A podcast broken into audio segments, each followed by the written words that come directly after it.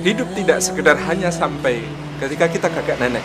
Demikian pula doa yang bahkan menyebut semoga langgeng dunia akhirat terasa tak cukup sebab ada yang langgeng dunia akhirat tetapi kekal di dalam kemurkaan Allah Subhanahu wa taala seperti diabadikan oleh Al-Qur'anul Karim tentang Abu Lahab dan Ummu Jamil istrinya wa imra'atu hammalatal hatab fi jidiha hablum min masad maka doa ini adalah sebaik-baik doa yang perlu kita ketengahkan di masyarakat kita.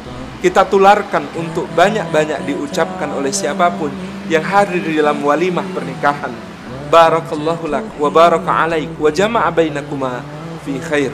Semoga Allah memberikan berkah kepadamu juga memberikan berkah atasmu dan menghimpun kalian berdua di dalam kebaikan-kebaikan